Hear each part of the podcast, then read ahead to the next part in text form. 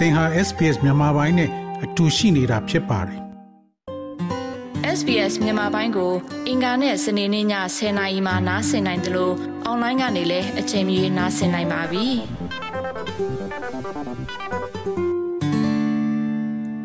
တော်ရရှိမြခင်ဗျာ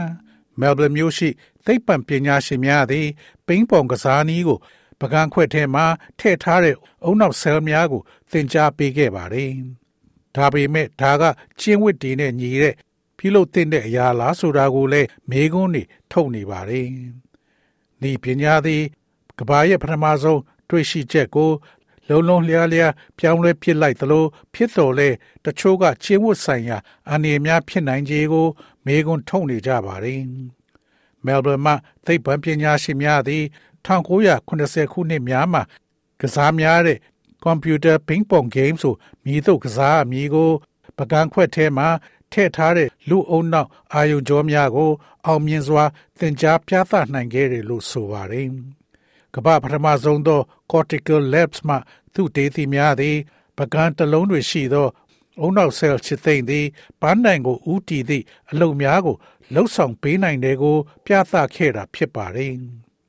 Cortical Labs ရဲ့ CEO ဖြစ်သူ Hong Wang Chong သည်မကြာသေးမီက ထုတ်ပြန်ခဲ့သော လေးလာမှုရဲ့ရလဒ်များနဲ့အတူနိုင်ငံတကာရဲ့အာယုံစူးစိုက်မှုကိုရရှိခဲ့ပါတယ်။ညာရည်ထုဆွဲလန်းခြင်းလို့ခေါ်တဲ့သူတေသနာပြုခြင်းနဲ့မတူတဲ့အရာတစ်ခုကိုလှုပ်ချင်တဲ့အခါဒီ project ကို2019ခုနှစ်မှာစတင်ခဲ့တာလို့ဆိုပါတယ်။ Yeah, so I, I think it, uh, it all got started way back in 2019. Um, where we were looking for sort of projects to get involved with the, the, the growing artificial intelligence uh, craze. And, uh, you know, there were a lot of projects out there which were sort of deep learning, machine learning based. And um, those were heavily de- dependent on, on data. ဒါကြောင့်2019နှစ်မှာအစပြုခဲ့တာလို့ကျွန်တော်ထင်ပါတယ်ကျွန်ုပ်တို့သည် project အမျိုးအစားများကိုရှာဖွေနေပြီးကြီးထွားလာသောညာရည်တုကို ဆွဲလန်းမှုမှာပါဝင်နိုင်ရန်နည်းနည်းသောသင်ယူမှုဆက်သင်ယူမှုအခြေခံနှင့် data အပေါ်အလွန်အမင်းမိခိုနေရသော project များစွာရှိတယ်ဆိုတာကို သင်သိပါလားဒီလိုနဲ့ကျွန်တော်တို့ရဲ့ပူးတွဲထီထောင်သူနဲ့ကျွန်တော်ဒါကိုကြည့်ပြီးတော့ကျွန်တော်တို့လုံနိုင်တာတခြားတစ်ခုရှိသလားလို့မေးမြန်းကြည့်ပါတယ်နေရလက်ထဲမှာလဲပါနေတယ်လို့ကျွန်တော်ထင်ပါတယ်ဒါပေမဲ့ဓာတ်ရိုက်ရှင်ပြိုင်တာတော့မဟုတ်ပါဘူး project ကိုတဘာဝကလှုံ့ဆော်ခဲ့တာဖြစ်ပါတယ်အထူးသဖြင့်ရင်ကောင်တွေကလှုံ့ဆော်ခဲ့တာဖြစ်ပါတယ်ရင်ကောင်များသည် neutron အ ਨੇ စုဖြစ်ပင် drone များထက်ဉာဏ်ရည်ပိုမြင့်သောအဆင့်တွင်လှုပ်ဆောင်နိုင်တယ်လို့ဆိုပါတယ် If you look at you know even a fly and how it navigates the world with only 100,000 neurons or so um, it's incredible right because those buggers are pretty hard to kill um, they they make their way through a very dangerous world, find food, reproduce, and the cycle continues, all sipping milli microwatts of, of energy. So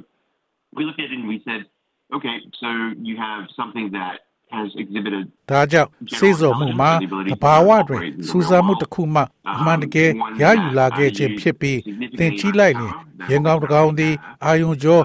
တသိမ်းမြတာရှိသောကဘာကြီးကိုမြည်သို့ ကျွမ်းကျင်စွာသွာလာနေသလဲကိုသင်သိလိုပါတယ်။ဘာလို့လဲဆိုတော့ဒီပိုးတွေကိုသတ်ဖို့ကအတော်လေးခက်ခဲပါတယ်။သူတို့သည်အလွန်အန္တရာယ်များသောကဘာကိုဖြတ်ကျော်ကားအစာရှာဖွေခြင်းမျိုးပွားခြင်းနဲ့စွမ်းအင်မီလီမိုက်ခရိုဝတ်ကိုအသုံးပြုပြီးလဲပတ်နေတာပါ။အဲဒါကိုကြည့်ပြီးကျွန်တော်တို့က okay ဒီတော့မင်းမှာအထွေထွေဉာဏ်ရည်ကို ပြထားတဲ့အရာတစ်ခုရှိတယ်ဆိုတော့လက်တွေ့ကဘာမှာလဲပတ်နိုင်တဲ့စွမ်းရည်ရှိမှာပါကျွန်ုပ်တို့လက်ရှိရရှိထားသော power ထက်သီးသီးသားသားနည်းသော power ကို အသုံးပြုတာတစ်ခုပါအဲ့ဒါတစ်ခုခုကိုဘာလို့မဆောင်နိုင်ရမှာလဲ Monash တက္ကသိုလ်ရှိ Turner Institute for Brain and Mental Health မှာတွဲဘက်ပါမောက္ခ Adil Razil က ခက်ခဲသောအပိုင်းမှာအာယုံကြောများကိုလျှက်စစ်ရောင်ခြည်များနဲ့ချိတ်ဆက်ပေးခြင်းဖြစ်ကြောင်းပြောဆိုပါတယ် So we could grow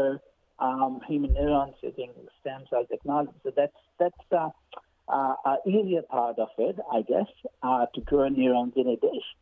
um, we actually do both human neurons and also separately the mouse neurons. Um, but then the, uh, the difficult part was, and the new part was this, that they, uh, they we dropped them onto a um, microelectrode array, uh, an array of electrical um, sensors, and uh, yeah, and then connected the whole thing uh, to a to a game of pong. ဒါကြောင့်ပင်မ cell နည်းပညာကိုအသုံးပြုပြီးလူသားတွေရဲ့ nutrient တွေကိုစိုက်ပျိုးနိုင်ပါတယ်။အဲ့ဒါကပကံတစ်ခုထဲမှာ nutrient အသစ်တွေတိုးပွားလာဖို့အစိတ်ပိုင်းတစ်ခုလို့ကျွန်တော်ထင်ပါတယ်။ ကျွန်တော်တို့ဟာအမှန်တကယ်မှာလူသား nutrient များနဲ့ကြွက်ငယ် nutrient များကိုသိကြစီကြီးထွားလာစေခဲ့တာပါ။ဒါပေမဲ့အဲ့ဒီတုန်းကအပိုင်းသစ်တစ်ခုကတော့လျှက်စစ်အာယုံခံရောင်ခြည်ကို micro electrode ရောင်ခြည်ထဲကိုလွှတ်ချလိုက်တာဖြစ်ပါတယ်ဟုတ်ပါတယ်ပြီးတော့အရာအလုံးကိုဘင်းပွန်ဂိမ်းတစ်ခုနဲ့ချိတ်ဆက်ပေးလိုက်ပါတယ်ပြီးတော့အဲ့ဒီလျှက်စစ်လှိုင်းတွေကဘုံလုံးကဘယ်မှာရှိနိုင်တယ်ဆိုတာကို neutron တွေကိုပြောပြပါတယ်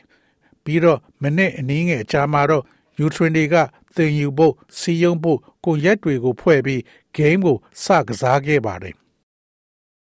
Mr. Razima neutron များသည်သန့်စင်သောဆက်သင်ယူမှုနည်းပညာထက်ပုံမမြန်ဆန်သောစွမ်းဆောင်ရည်ဖြင့်လှုပ်ဆောင်တယ်လို့ပြောကြားပါတယ်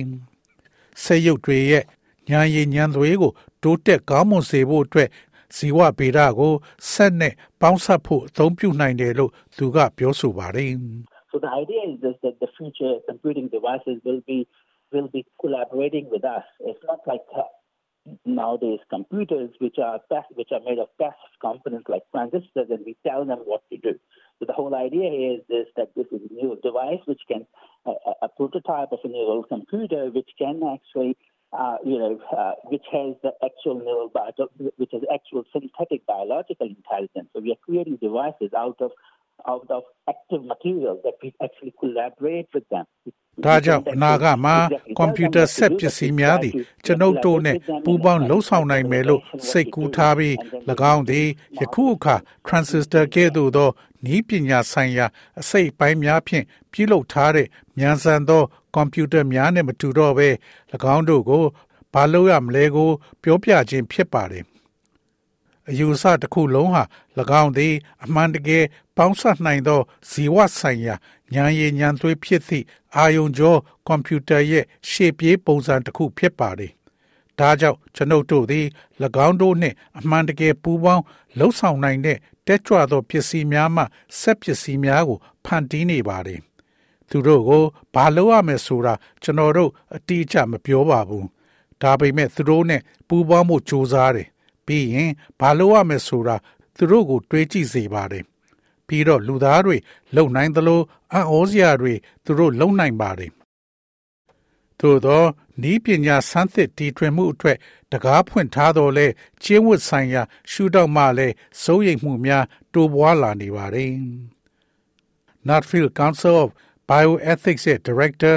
Daniel Ham က BBC အားအသိစိတ်ဆိုင်ရာမေးခွန်းများကိုထည့်သွင်းစဉ်းစားရမယ်လို့ပြောဆိုပါတယ်။ Will these so-called mini brains develop to the point where they can feel pleasure or pain? And how might we consider their moral status if they were conscious or sentient? And how should we regulate the use of this research သင်ငယ်သောအုံ and နောက် future များသည် technology? ပျော်ရွှင်မှု These are သို့မဟုတ် questions that we နာ haven't ကျင်မှု begun ကို to consider. ခံနိုင်တဲ့အထိကြီးထွားလာမှာလားအသိစိတ်သို့မဟုတ်အာယုံခံစားရပါက၎င်းတို့ရဲ့ကိုကျင့်တရားအဆင့်တန်းကိုကျွန်ုပ်တို့မြည်သို့သုံးသပ်နိုင်မလဲဤသုသေသနာနှင့်အနာဂတ်ဤပညာအသုံးပြုမှုကိုကျွန်ုပ်တို့ဘလို့ထိမ့်သိမ့်သင့်တယ်လဲဒါတွေကကျွန်တော်တို့စပြီးမစင်စားရသေးတဲ့မိကွန်းတွေဖြစ်ပါတယ် cortical labs မှာပြောကြားရတွင်အဆိုပါနည်းပညာသည်အုံနောက်ပေါ်ရှိဆေးဝါးများရဲ့အကျိုးသက်ရောက်မှုကိုစမ်းသပ်တဲ့အခါမှာလဲ တော်လံပြောင်းလဲလိမ့်မှာဖြစ်ကြောင်းပြောကြားခဲ့ပါတယ်။သောရရှိမြခင်ဗျာ SBS သတင်းဌာနက Tom Kennedy ရဲ့ဆောင်းပါးကိုဘာသာပြန်တင်ဆက်ပေးထားတာဖြစ်ပါတယ်ခင်ဗျာ။ SBS မြန်မာပိုင်းကိုနားဆင်ရတာနှစ်သက်ပါတလား Facebook မှာဆွေးနွေးမှုတွေကိုဆက်ကြရအောင်ပါ SBS မြန်မာပိုင်း Facebook ကို like လုပ်ပြီးတော့သင်ချင်တဲ့ချက်ကိုမျှဝေနိုင်ပါတယ် SBS Bemis ကို Facebook မှာ Share ကြည့်နိုင်ပါတယ်ရှင်။